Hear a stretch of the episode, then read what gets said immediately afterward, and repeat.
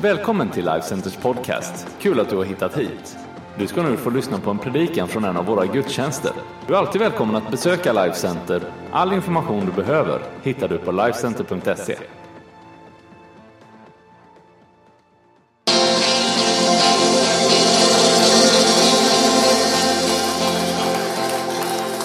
Oj, oj, oj, oj, oj. Ja, men du. Varsågod och sitt. Ja, hur tar man över en sån introduktion? Faktum är att när, när du säger det, Ebba, så tänker jag på vad Helen, min fru, har sagt till mig vid några tillfällen. Hon har sagt så här. Ibland när du predikar så ser du så sträng ut. Nej, men ja, så har jag det. Nej, men Ebba, du är ju för god. Och hörde ni, vad gott att få vara hemma igen. Vad gott att få vara här. Verkligen, jag menar det. Ni är så fina. Ja. Det är, ehm, det är ingen klyscha, utan det är så. Det känns väldigt gott att få vara hemma. För att hemma är det så att det finns många härliga människor och ni sitter precis framför mig. Så är det. Och eh, även om inte Per-Johan och Ulrika hör mig nu, så ett jättestort tack för eh, förtroendet att få predika. Mwah, jag gör det så. Ja. Och eh, uppskattar Per-Johan och Ulrika enormt, enormt mycket. Goda vänner Eh, som har funnits med över lång tid i våra liv. Och det är gott när man får både sms som är eh, ska man säga, av den allvarliga karaktären och, och sen får man bara sådana crazy sms ibland. Och det är mycket skratt och mitt ibland det så är det både tårar också. Eh, och det gäller kyrka, det gäller liv och det, ja, men alltså allt detta. Och det är gott att få ha vänner i sitt liv. Nu närmar jag mig 47 år. Det ser man inte, det tror man inte. Jag jobbar stenhårt på att motverka det på varje punkt. Men det jag, det jag kommer fram till mer och mer i livet, det är att, alltså att rikedom sitter i liksom att träffa människor där du bara känner så här, här är connection. Här är människor som, som bryr sig. Och det är en enorm rikedom i livet.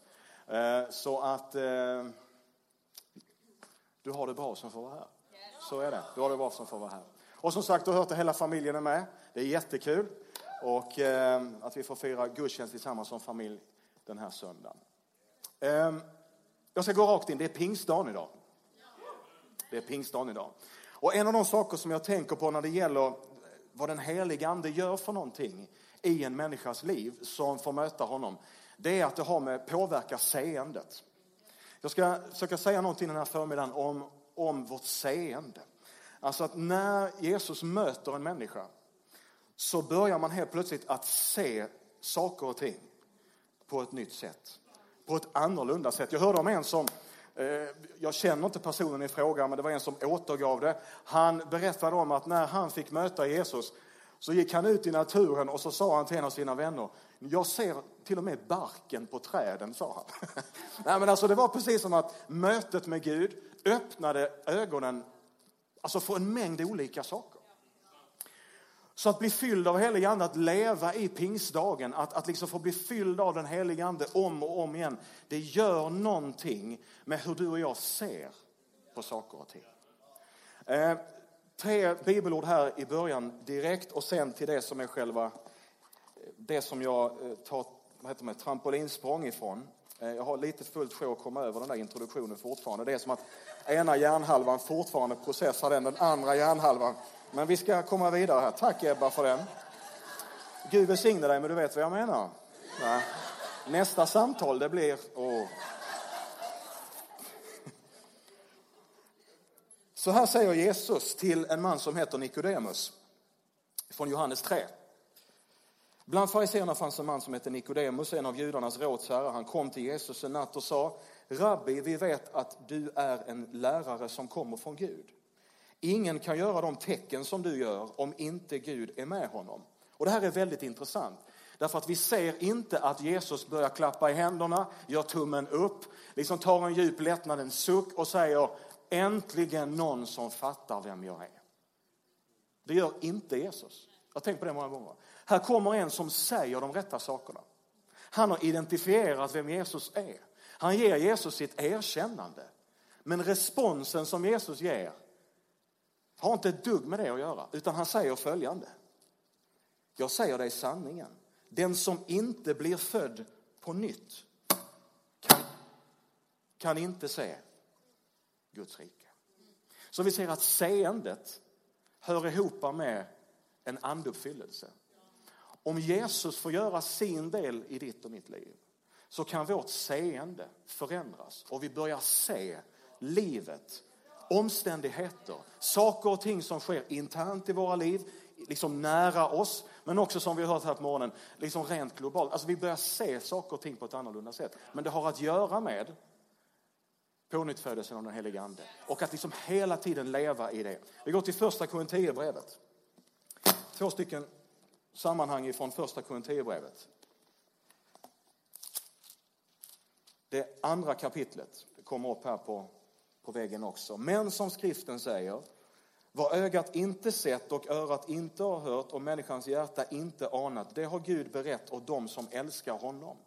Gud har uppenbarat det för oss genom sin ande. Anden utforskar allt, även djupen i Gud, och vem vet vad som finns i människan utom människans egen ande. Så vet heller ingen vad som finns i Gud utom Guds ande, men vi har inte fått världens ande, utan anden som är från Gud. För att vi ska veta vad vi har fått av Gud. Vad är det Paulus talar om? Han talar om att det finns saker som inte vi har sett. Det finns saker som vi inte har hört. Och då tänker både du och jag, men det skulle jag vilja se och det skulle jag vilja höra. Vad är det för någonting som liksom ligger bakom kröken och väntar? Och då säger han, när du blir uppfylld av helig ande, när du liksom får leva, om jag uttrycker det så, i en pingstupplevelse varje dag så kommer du in i en dimension i ditt liv där du börjar se någonting som inte du har sett innan. Mitt i den verkligheten som du lever i. Du står i sam, på samma jobb, du går i samma skola, du kör samma bil, du kanske åker till samma semesterplats i sommar, vad vet jag? Så mycket är sig likt. Men det är någonting som har förändrats. Nämligen ditt seende. Och hur du och jag ser på saker förändrar väldigt mycket i vår livsföring. Vi tar ett bibelord till ifrån andra Korinthierbrevet. Och där talas det om det nya förbundets härlighet, det tredje kapitlet. Och så står det från vers 12, tror jag det kom upp på väggen här också. Va? Ja, när vi nu har ett sådant hopp så går vi helt öppet tillväga. Vi gör inte som Moses som satte en slöja för sitt ansikte. För att Israels barn inte skulle se hur det som bleknade försvann men deras sinnen blev förhärdade och än idag är samma slöja kvar när de läser det gamla förbundets skrifter och den lyfts inte bort. Först i Kristus försvinner den. Ja, än idag ligger en slöja över deras hjärtan när de läser Mose, men nu kommer det. Men när någon omvänder sig till Herren tas slöjan bort. Herren, det är anden och där Herrens ande är, där är frihet. Och alla vi som med obeslöjat ansikte ser Herrens härlighet som i en spegel. Vi förvandlas till en och samma bild från härlighet till härlighet. Och detta sker genom Herren som är anden. Tre stycken bibelord där det talas om seendet och andens funktion. Och båda de två hör ihop. Och jag vill tala lite om det de här minuterna. För många år sedan när David, vår son, var ung, då gjorde vi som man gör ibland. Vi åkte till Ikea och eh, du vet, man tråcklar sig igenom de här gångarna på Ikea och så kom vi fram till barnavdelningen. Och där springer David in i ett sånt här litet eh, leksakshus. Det finns en dörr och så finns det liksom ett stort fönster och på det fönstret ligger det som en liten sån här eh, minidisk. Och på den disken står massa leksaker i form av knivar, gafflar, tallrikar i plast, muggar, kannor och allt möjligt. Och jag tänker inte på det mer än att han börjar gå in där och leka. Och som vi föräldrar, vi tar liksom friheten i anspråk och vi började gå runt och titta själv lite, vilket jag gjorde. Och ett, tu, tre så hör jag hur David ropar på mig och säger pappa kom hit. Och då ser jag den här lilla knatten då stå i det här lilla huset bakom disken. Och så börjar han greja med tallrikarna och så kommer frågan. Pappa, vill du ha kaffe eller vill du ha te? All right. Och då får man ju liksom börja spela med. Ja, men jag kör kaffe. Kanon, sa han. Och så tar han fram en liten plastmugg, häller upp kaffe och så sträcker han fram handen och säger, varsågod pappa, här har du kaffe. Och förresten, vill du ha en kaka också?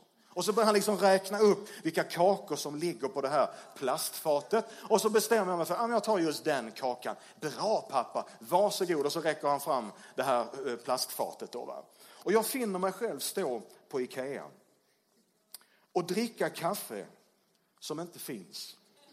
Äta en kaka som inte finns.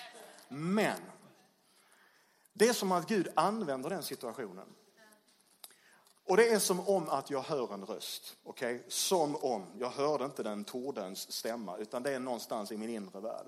Så är det som att Gud säger så här, Rickard, just nu så ser David någonting som du inte ser. Och det där kaffet och den där kakan är så naturligt för honom därför att han ser det framför sig. Alltså det är ingen fråga. Och jag utifrån min vuxna liksom approach, jag försöker ju logiskt, det gjorde jag inte, men i min inre värld så försökte jag logiskt, men det finns ju inte där. Och det var som att Gud sa, Rickard, jag vill att du ska leva ditt liv på det sättet som David just nu lever sitt liv. Det vill säga, Gud säger, jag är en Gud som talar om ting som inte finns, men som om de redan fanns. Och vad är det Gud säger? Jo, han säger i Gamla Testamentet, jag gör någonting nytt. Redan nu visar det sig. Märker ni det inte? Och då tänker jag, här kommer vi med olika liv till en söndag förmiddag. Din och min vecka har sett olika ut. Du kanske har haft en fantastisk vecka. Det är bara liksom, woo, bästa veckan så här långt i år. Någon annan kanske sitter här inne och pustar ut efter en vecka som du bara aldrig mer en sån.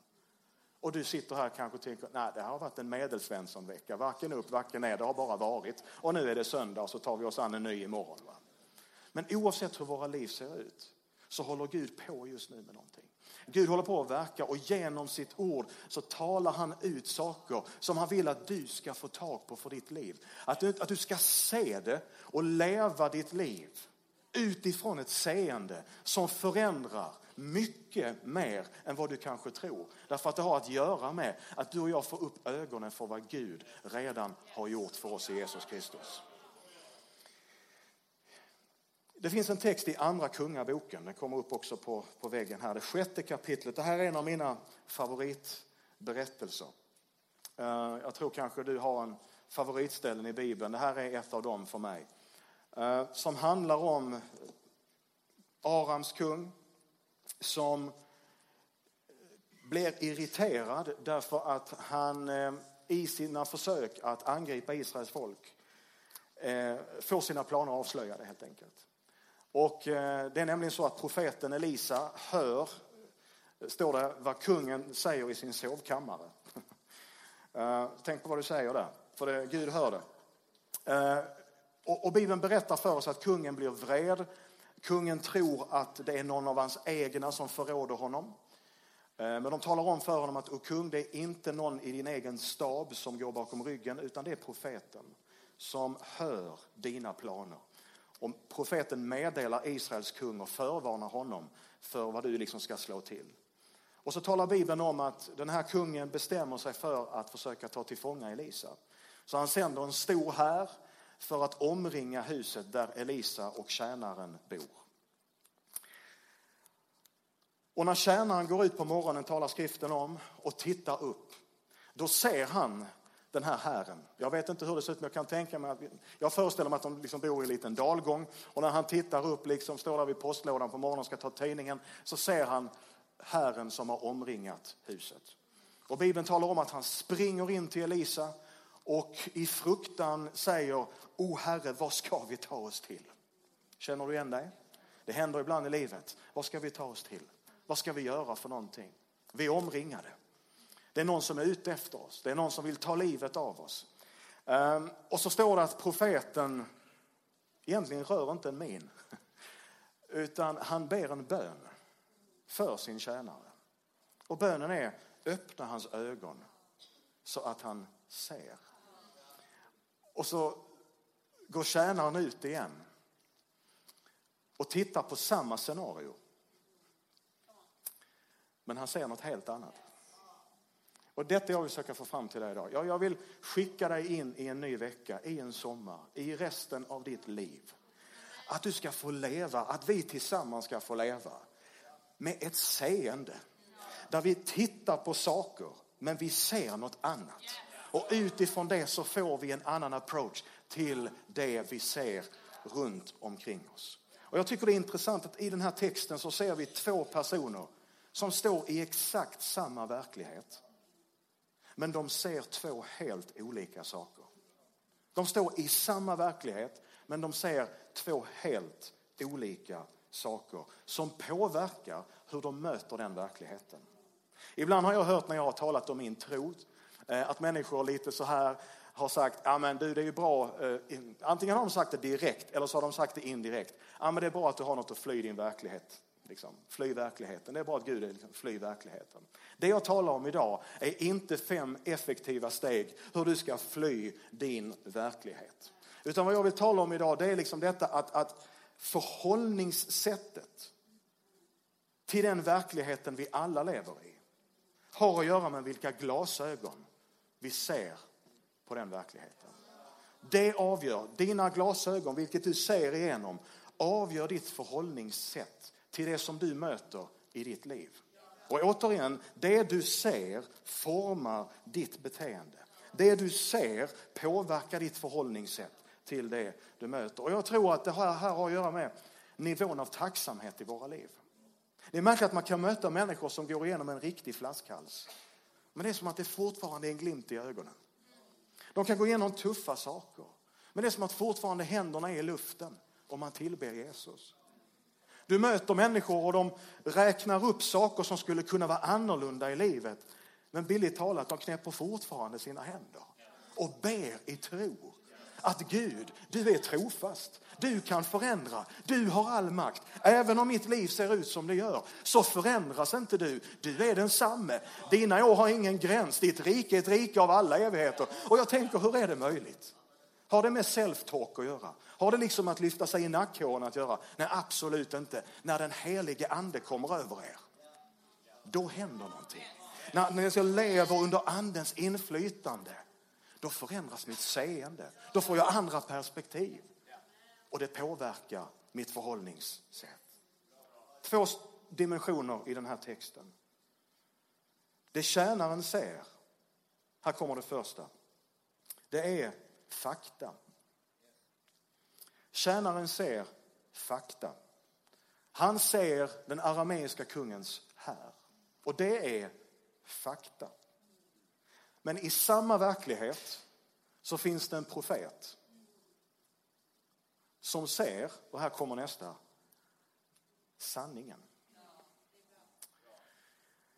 Den ene ser fakta och den andra ser sanningen.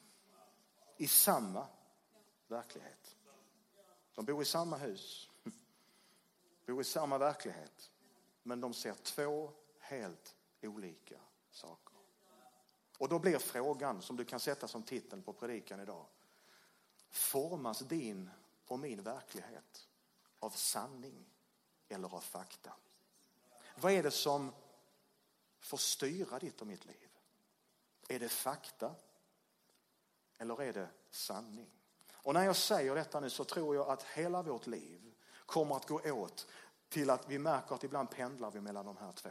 Hela vårt liv kommer vi inse att vi är inte optimalt i den ena hela tiden, utan det finns fragment. Det finns stunder när vi bara inser, vänta nu, nu är jag mer i fakta än i sanning och tvärtom. Men jag tror det här uppmuntrar oss, texten uppmuntrar oss till att se att det finns ett liv att leva i verkligheten.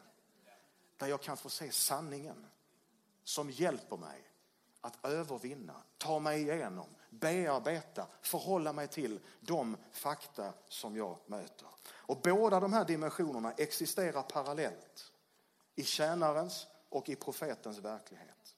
Tjänaren ser fakta, profeten ser sanningen. Vad är fakta för någonting? Jag slår upp det. Vi vet ju vad fakta är, men ibland slår jag upp ord bara för att liksom, okej, okay, det här är vad det betyder. Fakta betyder per definition en objektiv verklighet. Så idag befinner vi oss i en objektiv verklighet. Ni är här, jag är här, det går att ta på det, vi kan se det, lukta, känna. Detta är en objektiv verklighet. Det här är fakta. Vi är här. Och alla vi lever i en värld av fakta. Vi har hört om det idag. Det är faktum att någon tror att i en Guds namn döda andra människor är någonting gott. Vi lever i en värld av fakta där, där just nu är det krigshärdar överallt på vår jord. Det faktum att människor lider. Det faktum att det händer tragedier. Det faktum att vi människor är begränsade. Bibeln säger att det är människans lott att en gång dö. Och hur mycket vi än försöker laborera med det så är det ett faktum alltså att det finns lagar som du och jag är ställda under, vare sig vi gillar det eller ej. Vi möter besvikelser och bakslag, det är faktum. Och jag är väldigt glad för att inte representera en kristendom. Och jag är glad för att kunna tillbe Jesus. För han är inte en som förnekar din och min verklighet och kallar det för tro. Kristendom är inget lyckopiller för att fly verkligheten och hamna på något moln någonstans och spela lite sittra. För det är ju så skönt att fly den tuffa verkligheten för ett tag. Nej, evangeliet, det finns, nu ska jag låta som att jag kan mycket om konst, men det kan jag inte, men jag kan en sak. Det finns en italiensk målare som heter Macaccio. Och Macaccio har målat en tavla som hänger någonstans i en kyrka i Rom, tror jag det är. Och på den tavlan så har han målat Jesus på korset och sen under till så har han skrivit följande. Han, alltså Kristus, blev vad vi är för att vi skulle kunna bli vad han är. Det är bra. Han blev vad vi är för att vi skulle kunna bli vad han är. Vad är det för någonting? Jo, det talas om en Gud. Och förlåt om det blir lite pingstdarr på rösten. Jag är lite lättrörd av mig, men ni får ta pingstdarret. Det är snart slut här. Men jag är så glad för att Gud kom in i din och min verklighet. Ordet blev kött, säger Bibeln. Det fick kött och blod. Gud blev människa i Jesus Kristus. Han gick på vår jord. Han mötte våra utmaningar. Han liksom kämpade med det som du och jag kämpar med. Bibeln säger i Hebreerbrevet 4.15 att han har prövats på alla sätt som oss. Och han vet vad det är att vara människa. Jag vet inte, men det känns som att jag behöver säga det en gång till. Inte bara generellt, utan jag tror du finns här. Du, du behöver höra detta. Jesus vet vad det är att vara människa. Jesus vet vad det är att ligga vaken och känna ångesten som drar. Därför att när han är i Getsemane så svettas han blod, säger Bibeln. Hans själ är fullständigt liksom ut och in. Han lever i ångest därför att han vet vad som väntar honom. Människan Jesus ber Gud, om det är möjligt, låt mig slippa korset. Människan Jesus är i nöd, han är i vånda, han vet vad det är att känna ångest. Sitter du här idag och du har ångest? Jesus vet. Och han vet också vad som kan ta dig ur det. När Jesus hänger på korset så upplever han det som många människor upplever idag. I vårt land, vi har det så bra på många sätt. Det var någon som skrev den boken. Vi som har det så bra, varför mår vi så dåligt? Och det är verkligen mer än bara en spetsfundig titel. Många människor i Sverige idag lever i ensamhet. Både i kyrkan och utanför kyrkan.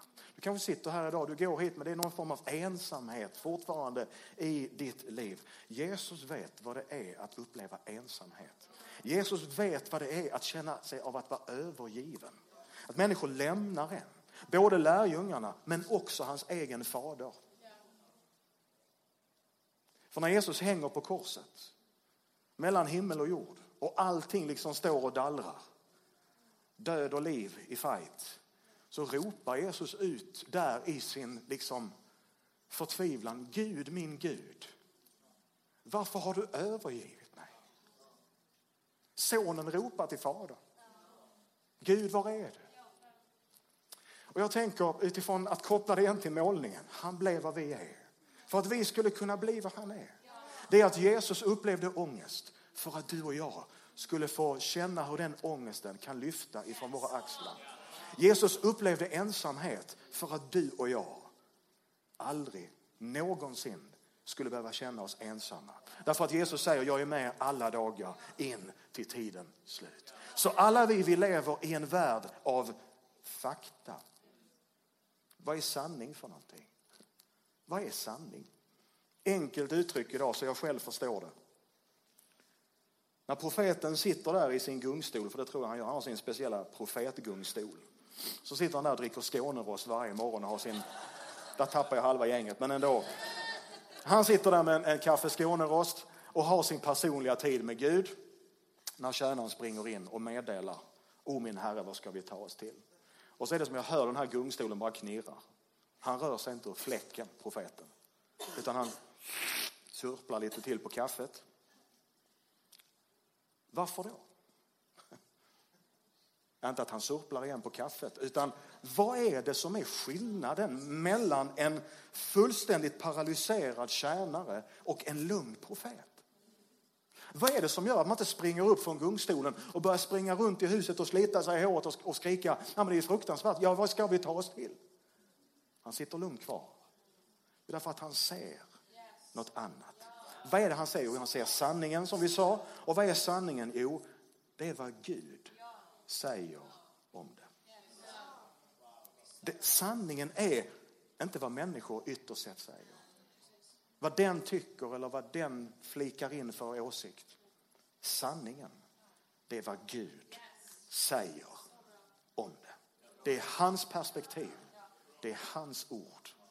Det är hur han ser på saken.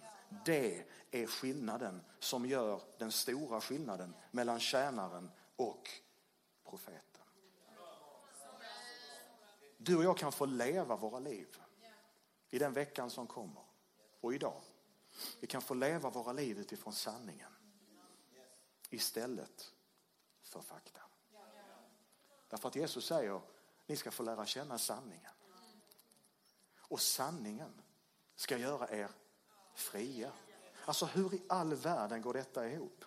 Du menar alltså att jag kan leva i en värld som ser ut som det gör, oavsett vad vi tycker om Donald Trump. En sak har han sagt som han har rätt i. Han sa vid ett tillfälle när han blev intervjuad, this world is messy. Och det har han rätt i. Alltså hur kan man leva i en värld som ser ut som den gör och ändå på något sätt ha det här klippet i steget, glimten i ögat och ändå tro på ett framtid och ett hopp? Hur är det möjligt? Hur kan man liksom leva när verken liksom vrider kroppen va? och ändå på något sätt ha en attityd över sitt liv, det kommer att bli bra. Alltså när fortfarande den där mannen som du har bett för inte har blivit frälst än. Och du kanske har bett i tre år, fem år, vad vet jag. Eller barnen som sticker iväg åt ett annat håll och du önskar att de var här. Men du ändå kan säga, jag litar på Gud. Jag tror att det här ligger i Guds händer. Alltså det är inget sånt där happy clappy liksom klatschigt, utan bara du har den. Hur kan man, men Jesus, är det möjligt att kunna ha det? Och Jesus säger, ja det är det. Det är möjligt att kunna leva ett liv i den här världen med alla fakta som finns här, runt dig, omkring dig, överallt. Och ändå leva med en känsla av frihet i ditt liv. Ni ska lära känna sanningen och sanningen ska göra er fria. När Jesus kommer till oss så kommer han med en annan verklighet som vi kan få leva i. Hans första predikan är väldigt kort, intensiv. Tiden är inne. Guds rike är nära. Omvänd er och tro evangelium. Guds rike, det är sanningens rike. Och Jesus säger att i och med att jag har kommit nu så har ett, en annan verklighet som är mer verklig än vår verklighet tagit sin plats i den här världen. Och det är den verkligheten vi inbjuds att leva i. Åt var och en som tog emot honom gav han rätten att bli Guds barn åt alla som tror på hans namn. Han har kallat oss från mörkret in i sitt underbara ljus. Skillnaden som gör skillnaden för tjänaren det är att han får öppnade ögon för sanningen. Jag tänker mig att första gången går han in liksom på darrande knän. Krökt rygg. O min Herre, vad ska vi ta oss till? Och så får han den där handen på axeln kanske. Medan profeten sitter i sin gungstol. Och så ber profeten en väldigt kort men intensiv bön som vi kan be idag. Och som vi kan få be imorgon. Och i övermorgon. Så vi kan få grunda vårt liv på. Profeten ber lugnt, Herre öppna hans ögon. Så att han ser. Och så skickar han ut honom en andra gång. Och när tjänaren kommer ut till samma verklighet. Ingenting har förändrats. Det är samma verklighet. Det har bara gått några minuter emellan. Precis som du går in i samma verklighet imorgon när du åker till jobbet. Eller du kommer att sitta där och käka lunch med din partner som ännu inte har tagit emot Jesus. Eller du går till Arbetsförmedlingen imorgon och söker jobb för 51 gången Du går in i samma verklighet. Och du går till apoteket för att ta ut de där medicinerna som du behöver för att känna lite mindre smärta i din kropp. Du går in i samma verklighet. Men det är, det är som att något är annorlunda. Det är lite annan ryggrad nu. Det är lite annan liksom i ögonen. Varför då? Därför att du får uppleva, och jag får uppleva det som tjänaren får uppleva. När han tittar ut nu så ser han att hela, liksom allt, de är omgivna av mänsk, eller vad heter det, gudomliga herrar. Va? Han ser vagnar, han ser änglar, han ser liksom Guds här. Han bara står där och så bara, wow! Jag är omgiven. Åh oh, Gud omsluter oss. Det är inte kört. Nej, vad är det jag ser? I den verkligheten som jag befann mig i för några minuter sedan. Jag ser inte fakta längre. Utan jag ser, wow, vänta nu, jag ser sanningen som i Kristus har övervunnit alla fakta som finns. Amen. Låt oss be den bönen som kyrka. För oss själva och för varandra och för människor runt oss. Öppna våra ögon så att vi ser. Paulus han, han, han vill detta. Han skriver till de troende i Efesus. Jag ber att era hjärtans ögon ska få ljus så att ni förstår vilket hopp han har kallat er till. Hur rikt och härligt hans arv är bland de heliga och hur oerhört stor hans makt är i oss som tror. Herre, öppna mina ögon så att jag ser. Hur får vi det? Ja, genom att leva i den här boken. När vi ser hans ord, när vi hör hans ord, när vi matar oss med hans ord, då öppnas våra ögon. För anden är där och lyser på orden. När vi kommer till kyrkan tillsammans och prisar Gud, då är det någonting som händer i de heligas gemenskap. Som hjälper till och uppmuntrar, stöttar och pushar att få öppnade ögon. Du hör någon annans story om vad Gud gör och det ger dig tro. Du hör någon annan som går igenom någonting men du ser deras hållning och du tänker wow, men det här är också någonting som jag kan få leva i. Och jag tror, jag tänker så här, övernaturligt liv, absolut. Någon reser sig från en rullstol och går. Wow, det är övernaturligt. Någon blir befriad från demoniskt betryck. Absolut, det är övernaturligt. Men jag tänker, att gå upp från sängen en måndag morgon och möta den verklighet man har med det här liksom inom sig. Det är ett övernaturligt liv.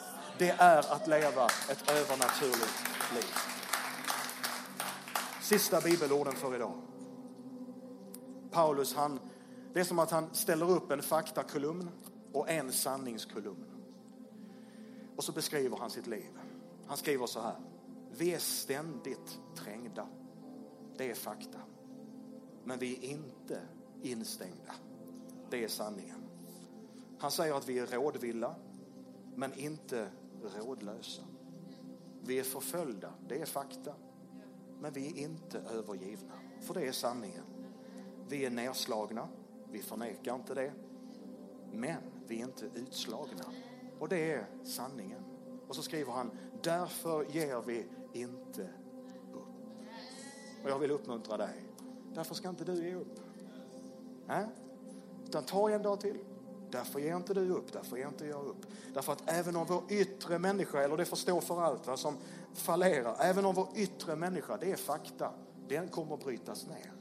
Men så förnyas vår inre människa, sanningen dag för dag. Vår nöd, det är faktum, som är kortvarig och väger lätt, bereder åt oss en väldig och överväldigande härlighet, sanning, som väger tungt och varar för evigt. Vi riktar inte blicken, det här måste vi komma ihåg vänner, när vi lever våra liv. Vi riktar inte blicken mot det synliga. Vi flyr det inte, men det är inte där vi liksom fokuserar, för det är bara fakta. Utan vi riktar blicken mot det osynliga. Det är sanningen, Guds rike. Det synliga är förgängligt, det är faktum. Men det osynliga är evigt. Och så skriver han till sist, det kommer inte där men jag bara citerar det. I allt detta vinner vi en härlig seger genom honom som har älskat oss. Jag vill uppmuntra dig. Alldeles strax. Nej, varsågod. Jag vill uppmuntra dig och mig. Låt oss ta en titt i den här boken. Låt oss be bönen. Öppna mina ögon så att jag ser. Och så vill jag uppmuntra dig. Gå ut och titta en gång till. gå ut och titta en gång till på den verkligheten som är din. Gå ut och titta en gång till. Och ser du inte det du tycker att du vill se, då går du tillbaka igen. Gud, öppna mina ögon. Jag vill se. Heligande, fyll mig. Heligande, fullständigt omslut mig. Heligande, hjälp mig att se. Och så tar du och går ut och så tittar du igen. Och det du kommer att se är inte fakta. Du kommer att se sanningen som i Kristus har övervunnit allt fakta. Gud välsigne dig. Jesus, vi tackar dig. Tack så jättemycket för att du har gett ditt liv för oss. Och tack att när vi tillsammans ställer oss där vid graven och tittar in så är den tom. För du är uppstånden. Wow, det är fantastiskt att du är uppstånden ifrån de döda och du lever idag. Och så får vi komma hit till Life Center och fira gudstjänst. Vi får sjunga lovsångerna tillsammans. Barnen får läsa ditt ord på deras sätt. Vi får ta ordet här på vårt sätt. Och så får vi bara konstatera att du är den du är. Du förändras aldrig. Och du är sanningen. Och jag ber att alla som har suttit under ditt ord den här förmiddagen ska få hopp och tro. Att det ska få bli ryggrad, att det ska få bli inte vacklande knän, knän utan starka knän. Att gå in i en ny vecka med ett seende som kommer ifrån dig Jesus. Jag ber för den just nu som sitter här och det mal och det bryter och det vänder. Ber för den unga tjejen som sitter här inne just nu. När det bryter och vänder i själen. Jesus, tack att du kan hela. Jesus, jag tackar dig. Jag tackar dig, jag är så glad så jag gråter Jesus. Jag tackar att du kan hela Jesus, själsliga sår som har liksom rivits upp där inne. Tack Jesus att du kommer med sanningen idag. Tack att du lägger helande händer på. Tack att Jesus genom dina sår är vi helade. Tack att vi får komma till dig idag med alla fakta Herre. Och tacka dig för att du är uppstånden. Och du här har övervunnit allt i Jesu namn. Och vi får ta an till det. Och vi får koppla med det idag. Herre Jesus, jag tackar dig. Jag bara välsigna församlingen. Tack att Life Center får gå in i sommaren här. Stark, levande, vital. Tack heligande för din smörjelse och din kraft. In i varje liten vrå av den här kyrkan. I Jesu namn.